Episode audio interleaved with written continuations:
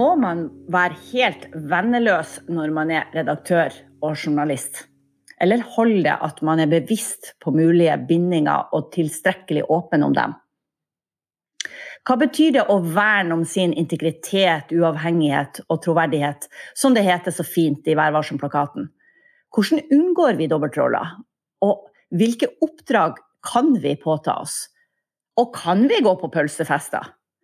Alt dette skal vi snakke om i dag i denne episoden av Hotline.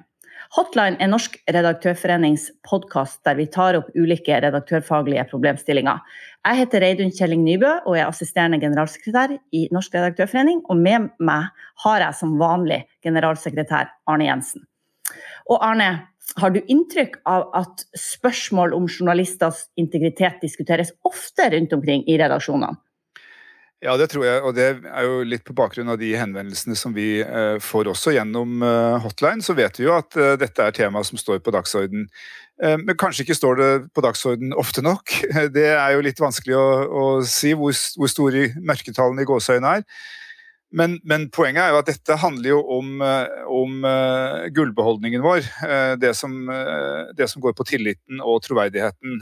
og hvis vi skal bevare den og styrke den. Og det er vi tror jeg, nødt til i, i, vår tid, fordi det blir viktigere og viktigere. Så er vi nødt til å ha sånne diskusjoner jevnlig for at ikke publikum skal bli i tvil eh, om, eh, om, våre posisjoner og hvilke bindinger vi eventuelt har. Ja, eh, og i dag så kan vi jo takke deg, Dan Bichoy, redaktør i Subjekt, for at dette er tema. Eh, og senere i dag så skal vi også ha besøk av VG sin utviklingsredaktør Øyvind Brenne. Eh, Danby, eh, årsaken til eh, at vi laga denne episoden av Hotline, er at du stilte oss et spørsmål i svartjenesten vår som denne podkasten er oppkalt etter. Og du kan jo, du jo sjøl dra problemstillingene som du kom med til oss tidligere i vår. Ja, jeg er jo en uh, hyppig uh, bruker av Hotline og synes det er en uh, fantastisk tjeneste. Vi står jo ofte alene og lurer på hva den beste redaktøren ville gjort i mange ulike situasjoner. Og den gangen jeg tok kontakt med dere for ikke veldig lenge siden, så ble, hadde jeg akkurat blitt spurt om å delta Nei, ikke om å delta, men om å være konferansier på en konferanse som arrangeres eh, senere i høst.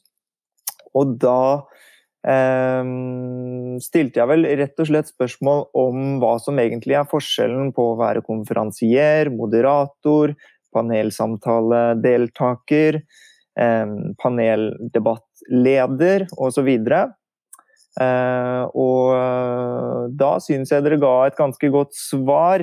Eh, men det er jo ikke så sort-hvitt som man kanskje skulle ønske at det var. Eh, og i mange situasjoner er det jo vanskelig. Jeg forstår det sånn at en enkel tommelfingerregel kanskje bør være at du skal representere deg selv som redaktør. Sant? Så hvis du deltar i en panelsamtale og representerer redaktør, subjektredaktør, og kommer med dine meninger, så må du jo delta i debatter. Sant? Det må være helt ok. Når du da blir spurt om å lede en debatt, så er jo det litt eh, vanskeligere, fordi hvem har programmert denne debatten? Hvilke spørsmål eh, kreves det at skal bli stilt? Og så klart så kan vi ikke gå med på at noen spørsmål kreves stilt, eller at man skal si visse ting, men der begynner det å bli noen gråsoner, da allerede der. Og så skjønner jeg jo at hvis du er konferansier, så blir det jo fort litt vanskeligere å forsvare, fordi du da blir en slags eh, Fordi du da presenterer programmet til arrangøren. Da er det jo mer innleid. Og den, den kompetansen er kanskje ikke til salgs, da. Mm. Er dette eh, problemstillinger som dere diskuterer ofte i redaksjonen i Subjekt? Ja, og det er noe vi har vært veldig opptatt av uh, hele veien, fordi at man særlig i kulturjournalistikken har lidd av um, inhabilitet. Da. Og det skjønner jeg jo, historisk sett i hvert fall, og opp gjennom så langt jeg kjenner historien, fordi den er veldig For det første så har kulturjournalister vært gode venner med kunstnere. Sånn har det alltid vært. Ehm, de forstår seg på noe som resten av samfunnet ikke, bare ikke skjønner. Sant? Den viktige kunsten. Og eh, da er det jo veldig fristende å bli venner, men eh, det kommer jo med, med mange utfordringer. Da. Fordi eh, som Trygve Aas Olsen skriver i den briljante boken 'Kritisk kulturjournalistikk' fra 2014, så må kulturjournalister vite at de er journalistikkens representanter i kulturlivet, og ikke kulturlivets representanter i journalistikken. Da. Og ja, det er noe vi diskuterer ofte fordi at eh, eh, særlig arrangørene og skaperne og produsentene på kulturfeltet ønsker seg jo eh, noen som har kompetanse på eh, kunst og kultur, samtidig som de har kompetanse på f.eks. lede en debatt, stille gode spørsmål innen kunst og kultur. og Derfor så mener jeg jo at kanskje ikke bare kulturjournalister, men nisjeredaksjoner og nisjejournalister er ekstra utsatt. Da. Og det, det, det, er jo fordi at uh, du kan ikke lede en samtale om kunst og kultur hvis du ikke vet hva armlengdes avstand-prinsippet er, eller hvis du ikke har en viss innsikt i eh, forskjellige områder. Da. Så mm, er det jo Ja, det er mange ting man kan snakke om, men eh, ja, vi diskuterer dette støtt og stadig, også fordi at eh, vi er eh, Altså, nisjejournalister er attraktive, da. Da sier jeg ofte mm. at eh, vit at du er Eller til meg selv, da, vit at du er attraktiv fordi du er redaktør, og ikke redaktør fordi du er attraktiv. bra, bra læres. det siste er det i hvert fall ikke. men, men, eh, når dere diskuterer dette, gjør dere forskjell på betalte og ikke betalte oppdrag? Ja. Um, det Dette handler jo i det hele tatt om tillit og troverdighet. Sant? Og klart det blir enda mer enda litt mer troverdig når det ikke engang er penger involvert. Men huseieren vår er nådeløs. Han godtar ikke tillit og troverdighet som eh, betaling. Sant? Så vi, vi, eh, Jeg tenker jo at eh, liksom et edruelig honorar er også bedre enn et sånn um, skikkelig Altså hvor man Ja, det er også bedre enn skikkelig mye betalt, men, men, men Eller skikkelig godt betalt, men uh, selvfølgelig har det noe å si, men til en viss grad så tenker jeg man også må kunne kreve honorarer for å delta. Uh, I hvert fall som uh, debattleder, men ja. Men, men, samtidig så skjønner jeg jo at dette blir veldig mye lettere for Gard Steiro enn for meg. De Hvorfor det? Penger, fordi de har litt mer penger, sant. Og det, og det, er jo egentlig litt sånn trist å si, fordi det er jo ikke sånn at vi, vi, Det er absolutt ikke sånn at jeg takker ja til å lede debatter fordi at vi trenger de pengene. Det, så viktig er det heller ikke, men det hadde vært fint om sant, eh, eh, tiden jeg må være borte fra kontoret, kompenseres for til en viss grad. Det skjønner jeg. Eh, Arne, skal vi prøve oss litt på å dra noen eh, store linjer her på presseetikken? På dette feltet. Hvis jeg kan spørre, da, fordi eh, når du må forklare folk som spør deg om kan, dere, kan du eller en av dine journalister kan dere gjøre dette og kan dere gjøre dette og lede en debatt her og, og delta der, og så, og så, får dere honorar sånn eh, og sånn. Og så sier du at eh, nei, det, det, kan vi være med på, men det kan vi ikke være med på. Og, så, og forklarer disse prinsippene. Eh, mm. Er det skap, Forstår eh, folk i eh, det, eller er det, er det vanskelig liksom, å, å, få forståelse for at dette ikke er så lett? Eh, folk Altså, de forstår det, men det er ikke alle som er like gode på disse prinsippene. Jeg har takket nei til noe, og så er det en Bergens Tidende-journalist f.eks. som har den jobben dagen etter i stedet. Uh, så, altså, det var ikke meningen å nevne noen her, men, men, uh, men uh, men jeg, altså det som er, er at det, dette prinsippet er ikke så, så veldig eh, etterholdt i blant alle kulturjournalister, da, eller journalister. Hadde alle sammen satt seg på bakbena og alle sammen sagt nei, så, så hadde det kanskje vært enda større forståelse for dette. Men, eh, men, eh, men så er det jo sånn at det er gråsoner. Det jeg takket nei til den gangen, kunne jeg jo egentlig sagt ja til. Og så er det jo også det at Hvis man gjør mye av dette, det handler jo som sagt om tillit og troverdighet. Hvis man gjør mye av dette, så blir det jo et mer alvorlig problem for både det enkelte medium og pressens troverdighet. da. Ja. ja. Jeg vil jo skille veldig sterkt mellom eh, oppdrag der du er under bundet mandat, altså der det er mm. noen andre som bestemmer hvordan F.eks. hvis du er debattleder, da, at det er noen andre som bestemmer hvilke spørsmål du skal stille. Mm. Eh, og hele rammene for en debatt, enn at du er der og får lov å utøve og være journalist og være redaktør. Mm. Eh, og, og, og stille akkurat de spørsmålene du ønsker, med utgangspunkt i et tema. Jeg har lyst til å ta opp én ting, fordi det kan hende vi ikke skal tilbake til det. Vi snakket om penger. Og I starten så var det jo sånn Vi hadde enda mindre økonomi og, og var eh, litt mer Altså, vi ble tilbudt f.eks. Eh, å skrive reportasjer fra steder. Eller å anmelde en utstilling. Og så hadde vi lyst til det, eh, fordi vi ønsker f.eks. å dekke kunstlivet i nord. Og så eh, var det jo da sånn at vi eh, f.eks. tok imot en flybillett, og da skrev, eh, da skrev vi det alltid i artikkelen, at reisen var betalt for. Fordi at presseetikken er jo også klar på det. at på at man skal si ifra om orientere om bakenforliggende forhold. Men og det, åpenbart, og det, har vi sluttet med nå, fordi at uh, vi har rett og slett råd til å betale de flybillettene selv, og, og det er liksom litt å vinne på det. Uh, men uh, Eller en veldig dyr pris å betale for det også, den med tilliten. Men så er det da Hva hvis det blir spurt om å lede en debatt? Skal man bruke mikrofonen og si at 'dette har jeg fått betalt for'? Eller hvis man er med, hvis man er med som paneldeltaker, og da kommer man jo også i en situasjon der jeg har forhandlet frem et honorar, og så har andre i panelet ikke det. Og ikke for å, altså ikke for å verne Jeg skal ikke bryte presseetikken for å verne dem mot akkurat det, men jeg har aldri sett det skje før, da. I en panelsamtale at noen eh, nevner at de blir betalt. Men problemet oppstår vel ikke i selve panelsamtalen? Problemet oppstår vel i det øyeblikket du eventuelt, eller subjekt, skal omtale journalistisk de som har betalt deg penger. Ikke sant? Ja. Hvis, du neste, hvis, du i neste omgang skal lage journalistikk på en, en forening eller en uh, stiftelse eller et, et, et, museum eller hva det er for noe, ja. og så har du for 14 dager siden fått uh, 10 000 kroner i honorar for å lede en debatt for dem, ja da eh, slår jo regelen om åpenhet for bakenforliggende forhold, som det heter, inn for fullt. At da ja. må jo subjekt opplyse om det.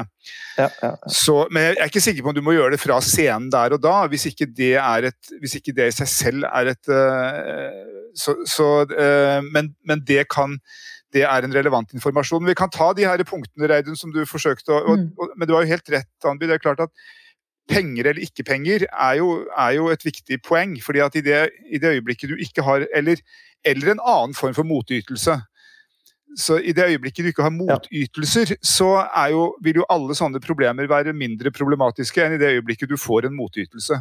Ja, eh, men øh, jeg skjønner. Og akkurat i de tilfellene der så har det heller endt med at jeg ikke skriver om disse da selv. Hvor, ja. Eh, hvor, det er eh, Hvor jeg har blitt betalt av dem tidligere. Men det, det skjønner jeg, men, men, det løser jo ikke problemet i og med at du er ansvarlig redaktør. Så, så er jo du Du står jo ansvarlig for alt, selv om det er en annen eh, som skriver om det. Så jeg mener jo at det bør jo opplyses om så lenge det skjer i subjekt, eh, i, i, subjekt, og du er ansvarlig redaktør og du har fått betalt, eller subjektet har fått betalt, så bør jo det opplyses om, tenker jeg.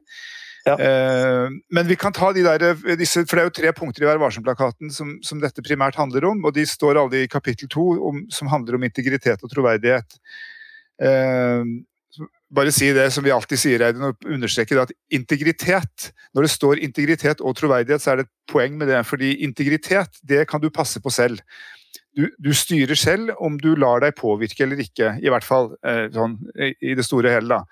Ubevisst påvirkning finnes jo også, men, men du kan ta, ivareta din egen integritet. Men du kan ikke selv eh, bestemme din egen troverdighet. Den er det mm. bare eh, verden utenfor som avgjør. Eh, den er du helt eh, har du ingen kontroll på. Så det gjelder å ivareta integriteten, sånn at man hold, bevarer troverdigheten. Men det er tre punkter. Det ene heter, eh, handler om dobbeltroller. Altså Man skal verne om sin, både redaktøren og den enkelte medarbeider, verne om sin uavhengighet, integritet og troverdighet. Unngå dobbeltroller, verv, oppdrag eller bindinger som kan skape interessekonflikter eller føre til spekulasjoner om inhabilitet det, så det dras ganske langt i forhold til eh, Dette er jo Vær varsom-plakaten. Eh, det er ikke 24 karats juss, og skal ikke være det heller. Det er en etisk, eh, et etisk, en etisk veileder. Men det handler altså om å ikke påta seg noen form for oppdrag som gjør at, at, man kan få bindinger til den man da tar oppdrag for, og at det heller ikke skaper spekulasjoner i, i, ute hos publikum, så sant det er mulig. Og Så er jo neste punkt da om dette med bakenforliggende forhold som kan være relevante for publikums oppfatning av det journalistiske innholdet. Begge disse punktene og det neste også er jo punkter som det er veldig få fellelser på i Pressens faglige utvalg. Men i fjor var det to fellelser på, på dette punktet om bakenforliggende forhold.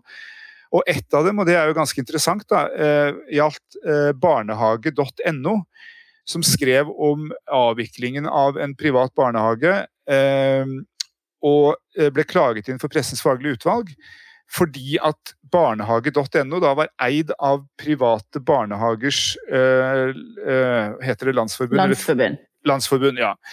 Så de eier barnehage.no, og dette ikke, var ikke opplyst. Og da sa PFU, de fikk da kritikk for det etter punkt 2.3, og PFU sa at rett nok så er det ikke slik at, at man må oppgi hvem eierforhold i alle eh, sammenhenger. Men her var poenget at uh, Private Barnehagers Landsforbund var partshjelper eh, i rettslig sammenheng for den private barnehagen som barnehage.no omtalte, samtidig som, som Private Barnehagers Landsforbund altså eier barnehage.no. Så de, de, var eier av mediet, og så var de partshjelper for, et, for en part som ble omtalt journalistisk. Og Da sa PFU at det, da burde man fortalt det uh, i saken. Det burde vært en disclaimer som, sa, uh, som opplyste publikum om det. Og Det ser vi jo en del eksempler på. Noen aviser uh, Hvis f.eks. E24 skriver om Skibsted-konsernet, så står det, så vidt jeg har registrert, nesten alltid nederst i artikkelen vi gjør oppmerksom på at E24 er eid av Schibsted-konsernet. Sånn at det er opplyst om. Det tror jeg er en god, eh, en god praksis. Så det, også det tredje punktet, da, Redaksjonelle medarbeidere må ikke utnytte sin stilling til å oppnå private fordeler, herunder motta penger, varer eller tjenester som kan oppfattes å være kompensasjon fra utenforstående for redaksjonelle ytelser. Så Det står altså ikke at man ikke kan motta honorar, eh, men, men man kan ikke motta honorar hvis, hvis det kobles eh, til en, som jeg sa, en motytelse. Det er jo fullt mulig å, å, å gjøre ting eh, for folk. Det er fullt mulig å skrive pent om et produkt eller en utstilling eller en forretning, så lenge du ikke mottar en, en motytelse. Og det er en journalistisk vurdering. Så det, det er jo motytelsene som ofte er, er, utfordringen. Så det er de tre eh, hovedpunktene. Altså dobbeltroller, bakenforliggende forhold og, og personlige eh, eh, motytelser. Mm. Eh, det er jo mange redaksjoner som har egne interne regler eh, på dette området. Min gamle redaksjon Avisa Nordheim, der innførte Tor Woie, tidligere redaktør, i sin tid eh, en egen regel om at du ikke kunne motta en gave som var Altså, hvis du gjorde noe, var, var ute i en eller annen sammenheng, så kunne du motta f.eks. en flaske rødvin, men du kunne ikke motta en flaske konjakk. Altså, det var satt en sånn gavegrense Eh, på rett og slett på pris på gave, som gjorde at, at det, det, gikk en grense mellom, mellom de to tingene. Eh, eh, har dere noen interne regler i Subjekt, Danby? Nei, ikke noen mer konkrete enn det som står i Vær varsom-plakaten. Men vi diskuterer, det ofte, om man skal være med på presselunsjer, om man skal være med på å få eksklusive fordeler, men da gjelder det ofte liksom pressemeldinger, sperrefrister osv. Men ikke når det gjelder gaver og sånn. Vi takker selvfølgelig nei til alt av forslag om spons og andre sånne typer ting, da. Så når, det gjelder gaver, så handler det jo, det handler jo ofte om å finne du må jo finne balansepunktet mellom det og, og ja, nær sagt være uhøflig. Ja, det, det, det, er det. Og, noen ganger så lanseres det under en lunsj. sant? Ja, ja, og det, du kan ikke du, så, så, det der Man må liksom bruke litt vett og forstand, men hvis du hvis du får en gave som er virkelig av stor verdi, og som helt åpenbart er gitt for at du skal øh, oppføre deg hyggelig som journalist, altså i betydningen, så, så, skjønner jo alle at det skal man jo takke nei til. Men, øh, men, øh, men, vi har jo historisk sett, så jo du var inne på det, Reidun, så har vi jo et fryktelig uryddig landskap på alt fra, fra betalte reiser og til gratis kinobilletter og fotballbilletter og rabatt på tog og jeg vet ikke hva. Eh, så det har vært mye rart eh, opp gjennom tiden. Eh, ja, og vi har, altså, Hvis vi går noen år tilbake i tid, så var det jo helt vanlig at norske redaksjoner var med på betalte reiser eh, innenfor eh, Kanskje spesielt innenfor eh, biljournalistikk. vi var med UD, vi var med kongeparet på tur. vi, vi, vi har gjort ting innenfor sportsjournalistikken og kulturjournalistikken der, har, eh, der, vi sikkert ikke har like god, bør ha like god samvittighet tilbake i tid. Så var det jo en opprydding der vi, der vi fikk eh, eh, Og jeg husker sjøl, for jeg hadde ansvar for sånn her eh, øverste ansvar i, i, min redaksjon for sånn type temasider, bl.a. bil. Og der vi så at vi fikk tilbud om en del sånn pakker, da som vi skulle betale sjøl. Men de prisene var jo latterlig lav. Liksom. Det var sånn eh, ei ukes tur til USA for 8000 med fly og opphold inkludert, og du skjønte på en måte at det var Ford som tok størstedelen av regninga, og ikke du. Men, men, det var på en måte lagt opp litt mer sånn tilpassa eh, etikken til redaksjonene. Så jeg har vært med på det òg. Og så har det jo vært, bl.a. VG har jo vært veldig nøye på å sagt at vi skal betale for oss uh, uansett. Og som du var innom, Danby, de har råd til det òg. Så, og så, har vi jo sett at det, har, at det, har, blitt mer og mer vanlig at redaksjonene har betalt de reelle kostnadene knytta til sine reiser og sine utgifter for å, gjøre, eh, for å lage journalistikk. Eh, men, men, dette er fortsatt et, et, et landskap som Ehm, det viktigste er jo ikke at man har etiske egne regler på dette, det viktigste er jo at man diskuterer det jevnlig og, og, er bevisst på det og, og, og er åpen eh, om mulige bindinger eh, ut. Når det gjelder eh, økonomiske muskler og sånn, så bringer det oss også litt til den veldig aktuelle debatten om utspillet til eh, Trond Giske, og eh, som vil skille mellom redaktør og direktør. sant? Da ville jo han krevd av meg, 18 år gammel, som gründet subjekt, da, å, ansette en direktør. Det kommer jo ikke på tale sånn, bare fordi at man skal holde det kommersielle aspektet helt side, altså ved siden av redaktørens um, plikter. Um, og, og um, det gjør det jo egentlig litt sånn umulig å starte nye medier hvis det krever fra start å være to. Eh, nesten umulig, da. Så, så ja. Jeg, jeg, brukte det samme, jeg var ikke sitert på det, men jeg sa det samme til Medier24 når jeg ble bedt om å kommentere dette i, i, i går. At, eh, at, hvis du skal gjennomføre det, så vil det jo være umulig. Da, for hvis jeg f.eks. ville starte et uh, nettsted når jeg gikk av med pensjon, eller uh, på et eller annet tidspunkt, og si at uh, så vil jeg jo da måtte, måtte ansette vi måtte være to stillinger, og det vil, og det, vil det ikke være økonomi til. og Da vil jeg ikke starte det opp. Så, men, men, det er noe annet. Det var, jo, det var jo da ikke mulig. Og, men det, dette handler jo litt om dobbeltrolle også, fordi at f.eks. Eh, helt i starten av Subjekt så var det jo bare meg. Jeg måtte selge annonser og jeg måtte være redaktør. og Sånn er jo alle historier om helt nye, ferske redaktører som ikke er født ut av Polaris Skipsted eller av media. da, Som ikke, kommer, som ikke er født ut av en, eh, med, med et budsjett. Um, og det, det, er jo egentlig litt av problemstillingen her, at eh, nye og små medier vil jo være ekstra utsatt fordi at man Man er nødt til, ikke bare fordi man trenger de pengene, men fordi at man ikke har kapasitet og, til å Altså organisatoriske muskler til å ja, betjene alt. Jeg har stor respekt for Trond Giske som en rutinert og, og engasjert mediepolitiker, men her, her, tror jeg, her, her, tror jeg, han har skutt litt fra hofta uten å, uten å tenke veldig grundig over hva som hva, hva, som kunne bli konsekvensen. I tillegg til at det ville jo ikke være noe, noe, nødvendigvis noe avhjelping på det, eller noe poeng i den debatten som nå har gått i Amedia. Men det er en litt annen diskusjon enn den vi, ja. litt, litt annen diskusjon enn den vi, vi, har nå. Men det jeg hadde tenkt jeg skulle si om sånn historisk sett, fordi at du, her har du jo ulike typer bindinger. Det ene er liksom det der enkle at du får betalt noe. Enten at du får en direkte ytelse, du får en gave, du får et eller annet. Eh, eller Eh, at du får eh, betalt eh, en, en reportasjetur. Jeg har vært med på turer hvor deler av turen har vært betalt. Det har ligget 30 år tilbake i tid, men det var sånn at når du skulle ut på, eh, på Rosshavets boreplattform i Barentshavet, eller ut fra Hammerfest, eh, så klarte ikke Sandefjords Blad, selv om vi, jeg ville vi skulle prøve på det, vi klarte ikke å få betalt for helikopterturen. Eh, altså fra, fra, Hammerfest og ut på plattformen, som jo var en del av transporten av oljearbeiderne.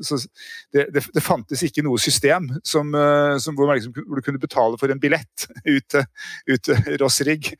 Eh, men også er det den, den, den andre bindingene er jo, mer, er jo, mer, komplekse, og det er jo de som du var inne på, Danby, og som jeg tror har preget både kultur og sport og politikk. Eh, hvor kultur arbeidere og kulturjournalister har gått og vasa litt om hverandre og vært litt gode venner og gått på de samme festene. Eh, og, og, og, hatt de samme tankene om ting. Eh, og Litt av det samme har du sett i sporten også, hvor det har vært litt sånn tilløp til, eh, til Vi er jo alle en del, vi er blitt litt sånn del av heiagjengen for, for de respektive lagene. Og i politikken, hvor det jo det ble jo rydda opp. Det, det var jo der det ble rydda opp først, hvor folk sluttet å ha, være journalister samtidig som de hadde politiske verv. Men vi har sett det på alle, på alle områder, sånn historisk sett. Så, så, eh, så, men det er en annen type binding enn den som du snakker om når du sier 'kan jeg påta meg et oppdrag'? For det, da er det litt annet, og det er mye, og det er mye ryddigere og enklere også å forholde seg til, på sett og vis. Mm. Men hvor, hvor, tett kan man da være på, på de folkene som man eh, dekker? De kildene som man har? Ja, for et, eh, et aspekt her som også er viktig viktig å tenke på, er jo at man, mm, en viss tilknytning til feltet man dekker og miljøet man dekker, må man jo ha. Det, kommer, altså det, er um, helt vesentlig for at man skal eh, skrive godt og dekke feltet godt, og ikke minst ha, mm, så må man også ha et godt kildenettverk. Det, dette er jo også tipserne våre. Eh, så handler, altså Problemet oppstår jo, som Arne var innom eh, tidligere når du skal skrive om disse. Og da må man jo helst droppe det, men om ikke gjøre det klart, da. Og det er jo flere som har diskutert dette presseetisk. Holder det egentlig å si fra? Burde man ikke egentlig helst bare droppe det? Eh, og jo, det kan godt være det et, ligger et poeng i det, men så lenge man ikke gjør for mye av det, da. Og da blir jo journalistikken også veldig navlebeskuende, man, hvis alt kommer fra venner og, om man skriver om det. Så det, det må man jo unngå.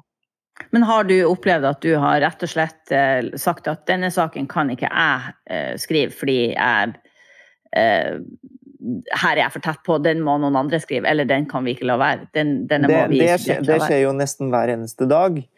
Men, men enda mer interessant er jo også å se på oss selv som mennesker og så si at her kan jeg ikke bli venn også.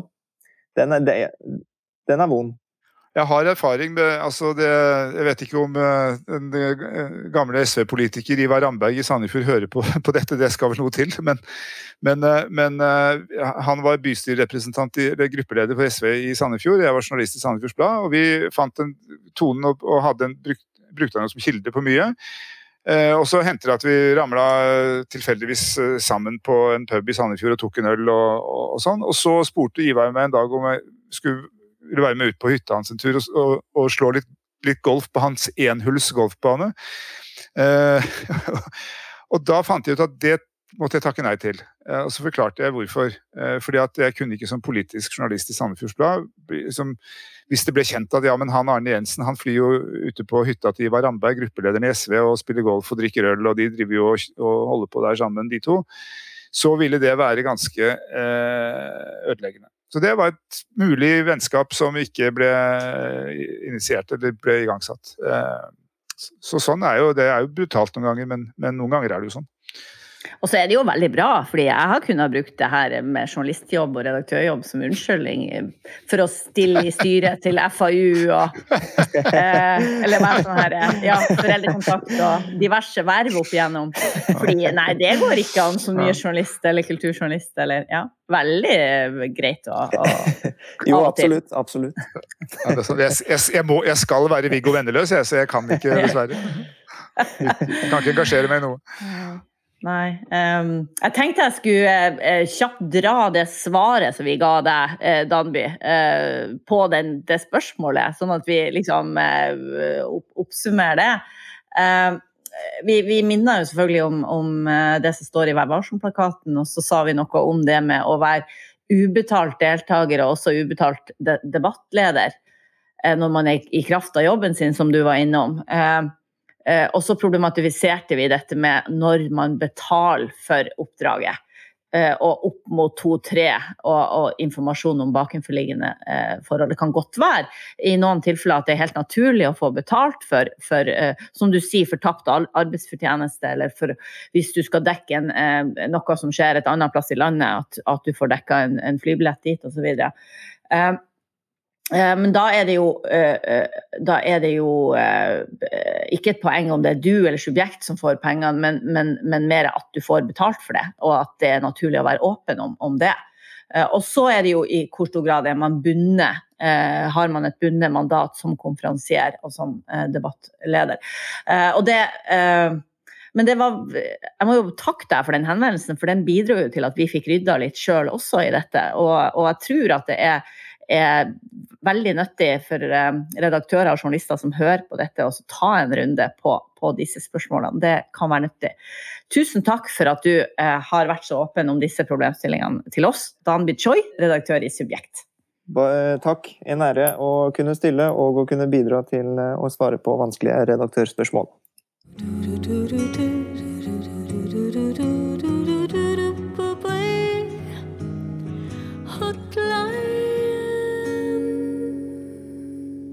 Det handler fortsatt om dobbeltroller og bindinger, og hvordan vi som redaktører skal løse de utfordringene dette byr på, og sørge for å bevare integriteten vår og sikre det som han Arne kaller gullbeholdninga eh, vår eh, tidligere i denne podkasten. Og nå har vi fått med oss Øyvind Brenne, utviklingsredaktør i VG.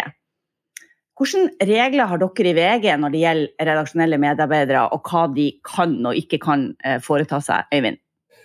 Eh, vi har ganske mange regler for det. Takk for at jeg er velkommen i, poden forresten. Eh, det som er litt viktig hos oss, er at man skal være liksom proaktiv. Man skal selv ta opp med leder hvis det er noen ting som bør eh, være kjent. Hvis man har relasjon til en kilde eller personlig vennskap til noen, så, man, så, det, så, må journalisten selv ta opp det med leder, slik at det er, det er kjent. Så det ligger i bunn. Det skal være uoppfordra. Og så er vi jo også opptatt av mange andre ting. Du kan ikke eie aksjer, du kan ikke eie verdipapirer, men du kan spare i fond. Eh, og så kan, Hvis det skulle være noe unntak fra sånn som det, så må det meldes inn og behandles. Eh, og så har vi jo en, noen regler rundt at du ikke kan være medlem av politiske partier. Eh, og du kan ikke være liksom, i, sette deg i situasjoner hvor du har bindinger til andre grupper. Altså, jeg kan trene dattera mi på åtte år når hun spiller fotball i, i KFUM at jeg bor på Ekeberg. Det, det er greit. Men eh, det hadde vel vært diskutabelt om jeg kunne liksom leda en aksjon for, eh, for, plenklipping oppå der. Eh, da måtte jeg i så fall sørga for at jeg var ute av diskusjoner om, om, den type ting hvis vi skulle dekke det. Så er kanskje ikke plenklipping det VG dekker mest, men altså, du skjønner hvor jeg vil. Og så, ja. ja, så, og så har vi også en del regler rundt ytringer i sosiale medier. Og at man er, at man er bevisst på at alt man skriver på, på, sånne medier, er på en måte, da er man i rollen som journalist eller redaktør eller hva som helst. Så er man i, i den rollen. Man kan ikke liksom Det dummeste jeg ser, da, er å si at jeg tvitrer privat. Eh, det funker ikke. Nei. Ikke sant. Jeg ser jo at dere, Det er ganske sånn detaljerte regler. Dere har eh, en regel om å vise måtehold med alkohol i møte med kilder, f.eks. Det ja, altså dette, dette, her er regler som er ganske jeg vil si, gjennomdiskutert i redaktørkollegiet, og som, hvor man virkelig har satt seg inn i det. og Dette er også publisert som ligger ute, som, som gjør at det skal være synlig for alle. og F.eks. det med alkohol, så, så er det jo sant, det veldig, veldig, viktig at ordet er med måtehold. Det er ikke sånn at man ikke kan ta en øl med en kilde, men man skal ikke bli full sammen med en kilde og, og så komme i en, en, en, situasjon som, som, gjør at man mister kontrollen på det profesjonelle. da. Eh, så jeg tror det er ganske smart å ha nedfeltet, for da blir det også mindre eh, Da, da vet alle hva som, som gjelder. Og så kan man eh, i etterkant, hvis det skjer noe, så kan man henvise til det, og så er det, er det kjent for alle. Ja. Blir disse reglene diskutert mye i, i redaksjonen? Altså det, det, er jo en kontinuerlig diskusjon på det, men jeg tror liksom akkurat på denne bevisstheten rundt roller, så, så har, vi, har, nok vi i VG kommet et, på et ganske sånn trygt sted, som gjør at, at det ikke liksom er en det er ikke noe uenighet rundt de, de prinsippene. Og så vil det alltid være diskusjoner. Er man for nær venn med en kilde? Eh, kan man dekke det og det politiske partiet? Har man den den bindingen? Og De diskusjonene skal vi også ha. men vi har jo, jeg husker jo denne Bar Vulkan-saken, hvor, eh, hvor, rundt det så var det jo diskusjoner om pølsefester og lignende. Hvor, eh, som satte det på agendaen. Etter, Etter det så har liksom mange skjønt at her er det helt avgjørende å være åpen og transparent da, om relasjoner både innad og potensielt også utad. Mm. Og I fjor høst så innførte jo dere en ordning med oversikt over redaksjonelle bindinger for eksterne bidragsytere eh, på VG sine plattformer. Kan ikke du fortelle litt om hva dette går ut på? Det kan jeg gjøre. vet du. Nei, det, vi, det starta jo med at vi, at vi, lagde en god del journalistikk på, på aktører som hadde bindinger eh, andre steder. Eh, F.eks. lagde VG-sporten en sak om at Petter Northug var både TV 2s eh, ekspert under ski-VM i, i C-felt, og han var lønna av Skiforbundet fortsatt gjennom en avtale, selv om han hadde lagt opp som løper. da. Eh, så eksempelvis eh, i det tilfellet, så når han da sto på TV og fortalte hva han syntes om eh, ski-VM, så, så, var jo han da også lønna av de som han snakka om. Uten at det på en måte da nødvendigvis var noe TV 2 fronta veldig. og Da lagde vi en sak på det. og Så diskuterte vi litt at denne, denne type åpenheten som vi da indirekte krever av andre, den må vi også yte sjøl. Eh, og Da snakka vi først om at vi burde kanskje gjøre dette på, på sport, hvor vi har, har, jo da profiler som Bernt Hulsker osv. Som, som har også andre oppdrag. Eh, du kan se på reality-TV osv. Han sitter på Discovery og, og, snakker om fotball. Så Det var det første vi snakka om, at det, det bør vi i hvert fall få til på sport. Og så Etter vi har hatt den diskusjonen i et halvt minutt, så, så ble vi enige om at hvis vi først skal gjøre det, så må vi gjøre det på, på alle områder i VG. Eh, så da, det vi gjorde da, var å si at ok, vi skal ha en oversikt over alle profilene våre og hva de gjør ved siden av jobben i VG, og publisere det på en side. Og hvis det er artikler som skal skrives hvor det blir relevant å opplyse om, så skal det lenkes eh, hit.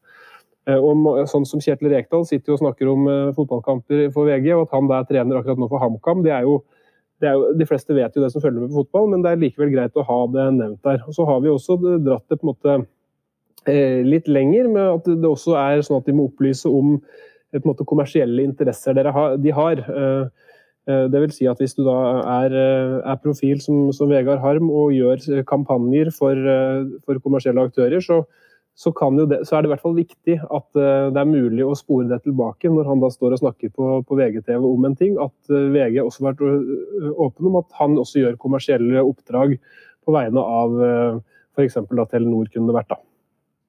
Mm. Så det vi gjorde da, var å eh, samle eh, avdelingsledere på huset rundt de avdelingene som, som er berørt. og da, da, gjelder det, det gjelder bokanmeldere, filmanmeldere, det gjelder de som holder på med podkast.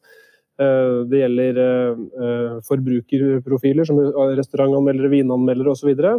Fikk en oversikt over alt vi holder på med innenfor dette området. Samla, det sammen, lagde et skjema som alle avdelingsledere måtte fylle ut, og sørge for å få innhente informasjon fra profilene. Og når vi hadde alt på plass, så, så publiserte vi det i, på slutten av 2020.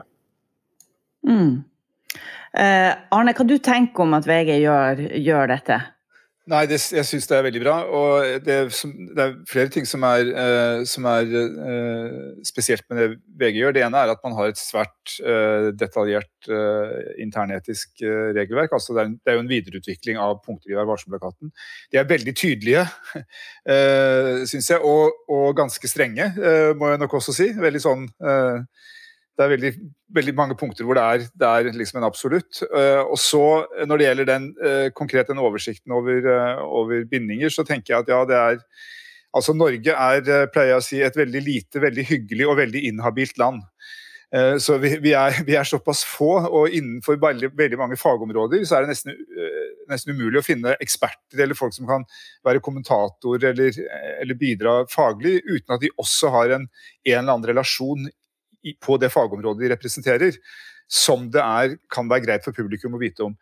Og, og det viser jo, jeg synes det viser at det, det i gåseøyne ufarliggjør det, også på den måten at da, da, er ikke, eh, da, er det ikke, så skummelt lenger. Når alle selv kan, eh, kan, finne ut av om de skal la det påvirke sitt syn på hvordan de vurderer den enkelte ekspert eller ikke. Og Det er jo litt av det åpenheten som er, som er nøkkelen. Og så er det jo verdt å nevne at Vi har jo da også etablert det som heter Max Social, som er et managementselskap som ligger under VGTV. Hvor eh, profilene som, eh, og noen av de som er på VGTV, er jo jo, eh, har jo eh, agentavtale inn der, så å si. Eh, og det, at det kom inn, tydeliggjorde jo behovet ytterligere. Siden vi har et eget managementselskap, så er det ekstra viktig at vi opplyser om det. Så der har vi også en policy på at i artikler som skrives om de profilene som er med der, så skal det, skal det, skal det lenkes til denne minningeroversikten der det er relevant. Så Det vil man ofte se som PS i saker om Linnea Myhre eller Morten Ramm eller lignende. Så skal det da være en, en disclaimer nederst, hvor man kan da se, hvilke, se mer om denne personen da, eh, når det er relevant. Så det sammen, Diskusjonene om å opprette denne redaksjonelle bindinger-oversikten, den, den, hadde vi jo godt i gang med det. og så kom Når Max Social i tillegg kom, så var det det på en måte satte to streker under svaret. som vi, Da jobba vi allerede med det, men da ble i hvert fall sikkert at dette måtte vi bare gjøre. Eh, har dere fått noen reaksjoner fra eh, profiler som ikke har syntes det var så ok å opplyse om, eh, om de her bindingene? Ikke vært noe negativt fokus på det, meg bekjent. Altså. Så mm, jeg tror, jeg tror, de fleste profiler skjønner at det er en del av pakka når du skal jobbe for, for VG. Og klart, det, vi lever av vår uavhengighet, og det er derfor folk tror på oss. Så folk må vite at når de er i ruta for VG eller skriver for VG, så er det på, på grunnlag av hva VG styrer, ikke på grunnlag av hva en kommersiell aktør har, har betalt dem for. Eh, så, og, Det gir jo dem også stor kommersiell verdi å være i VG eh, ofte, så dette går begge veier. Mm. Men en sånn type oversikt det er jo et øyeblikksbilde av høsten 2020 når det blir, når det blir um, lansert. Hvordan sikrer dere at dette til enhver tid er oppdatert? Ja, der har vi jo interne rutiner på at uh, så fort det skjer en endring, så er det den avdelingslederen som har ansvaret for, uh, for den, den, gitte avdelingen, som har ansvar for å oppdatere så fort noe skjer. Og Når det gjelder dette Max Social-teamet, så har vi satt en regel på at en gang i kvartalet så gjør vi en, uh, en oppdatering på hver profil der når det gjelder de kommersielle uttakene. Så hvis Kjetil Rekdal får sparken i HamKam i morgen, så må sportssjefen inn i dokumentet og endre til klubbløs trener eller eller lite, mm. da. Ja, eh, nettopp. Og det her er jo en, en oppfyllelse av Vær varsom-plakaten sitt punkt om, eh, om, å være åpen om bakenforliggende forhold. Syns du at eh, vi i mediene er flinke nok til dette, eller har vi ennå et stykke vei å gå? Eh, jeg tror det er en vei å gå. Så nå er heller ikke vi perfekte. Vi har jo liksom kommet opp med dette, som er et steg i den retningen. Så, så kan man jo innvende at uh, selv om vi har dette på en nettside som ligger åpen, så er det jo mange lesere og brukere som kanskje ikke får det med seg likevel. Og så er det begrensa muligheter i en TV-rute f.eks. til å få kommunisert alt sånn. Uh, men at det, at det, går en retning hvor mediene må være transparente på alt man gjør, uh, og forvente alltid at enhver samtale man tar kan bli tatt opp osv.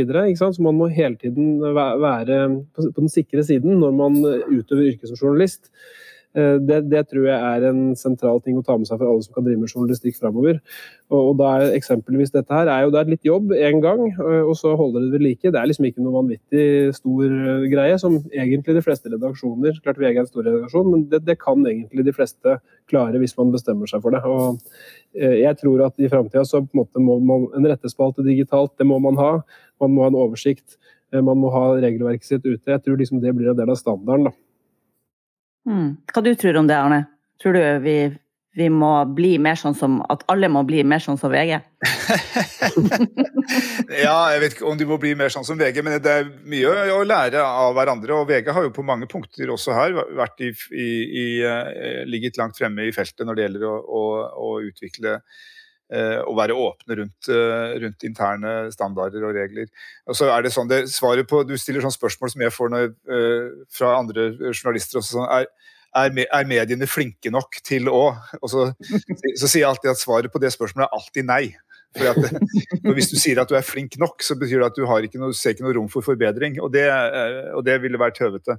Eh, så det er det alltid. Men det har, har det skjedd, det har skjedd forbedringer i to Det er to sånne kvantesprang dette, på dette området. og Det ene er jo erkjennelsen av at dette er et problemområde. At vi har dobbeltroller og bindinger altså For 30 år siden eh, og, og, og 40, når eh, jeg begynte å nærme meg journalistikken, så var jo dette ei suppe. også. Det var så mye rart uh, av, av, verv og, og, og dobbeltroller, og du vil ikke tro det.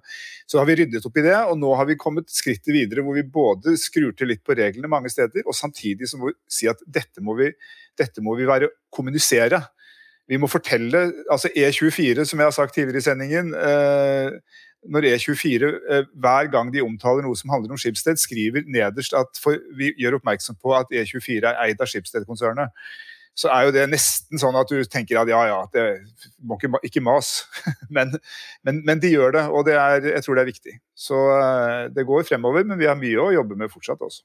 Ja, og når jeg stiller disse spørsmålene, så er det jo rimelig ledende. fordi jeg, altså det, Hvis jeg har en kjepphest sjøl, så er det jo nettopp dette med at vi må være mer åpne. Eh, åpen om de presseetiske vurderingene, åpen om, om eh, eventuelle bindinger. Eh, så jeg bruker jo å si at punkt 2-3 i Vær varsom-plakaten er mitt favorittpunkt. Og det er jo også kommet inn bare Det er jo bare seks år siden det kom inn i Vær varsom-plakaten. Så har jo, det har jo skjedd en utvikling her også, og det er bra. Men eh, når vi har deg her, eh, Øyvind eh, for før du ble utviklingsredaktør i VG, så var du også sportssjef i, i mange år. Og jeg lurer på, Stemmer det fortsatt at båndene mellom journalister og kilder er tettere på sporten enn andre steder, eller er det en myte? Godt spørsmål. Eh, jeg tror det kan i hvert fall være eksempler på at det er veldig tette bånd. Eh, klart Det er litt en garderobekultur nærmest, og man er en del av liksom den, den, kulturen. Eh, så tror jeg det også der har blitt en ganske klar profesjonalisering de siste 5-10-15 årene. Så vet ikke jeg hvordan det var på 60- og 70-tallet sjøl, for jeg er ikke så gammel. Men bare fra jeg liksom begynte som sportsjournalist i 2000 til til jeg på en måte slutta med det i 2019, så, så, var det ganske stor forskjell på det. Det, det, det. kunne man merke. Og det går også på tilganger. ikke sant? Eh, før var du inne i garderoben og kunne intervjue eliteseriespillere. Nå er du en mixed zone og pressesjef som står og styrer. Så, så det, skaper noen, noen, hindringer som også kan være negativt for utøvelse av, av jobben. Da. Men jeg tror generelt at det er mye mer proft nå. men at uh, noen ganger så er det, det er liksom, du, er, du, er, avhengig av å være inne med kilden i veldig stor grad. Uh, hvis du dekker politikk, så er det de samme folka stiller til valg, og de er partiledere, og sånn er det uansett. Og de, du, de må forholde seg til deg. Men uh, dekker du en fotballklubb i Eliteserien i, i, i, din by, så er den treneren ekstremt viktig da, for din arbeidshverdag.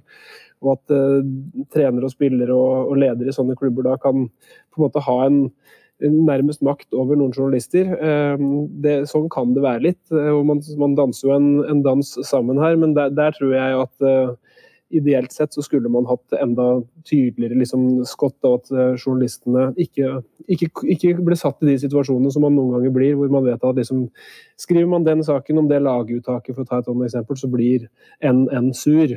Og det kan gjøre at jeg får dårligere tilgang. Og den, du har den trusselen alltid hengende litt over deg. så det, det, er en utfordring fortsatt som, som, kan bli bedre. Som Arne sier, vi kan alltid bli bedre. Ja, ikke sant. Eh, men, eh, og, og, man kan ha all verdens gode regler og, og en flott Vær varsom-plakat, men, eh, men, det aller viktigste er jo at man har en løpende debatt om dette, og spesielt når det kommer nye folk inn, at man, at man passer på det. Tusen takk for at du delte så åpent med oss, utviklingsredaktør i VG Øyvind Brenne, og takk også til Dan Bichoy, redaktør i Subjekt, som var med oss tidligere. Fra Norsk redaktørforening deltok Arne Jensen, og jeg heter Reidun Kjelling Nybø. Dersom du har innspill til temaet som vi skal ta opp i denne podkasten, så ta kontakt med oss. Det blir vi veldig glad for. Kontaktinfo finner du på norred.no. Takk for oss. Du, du, du,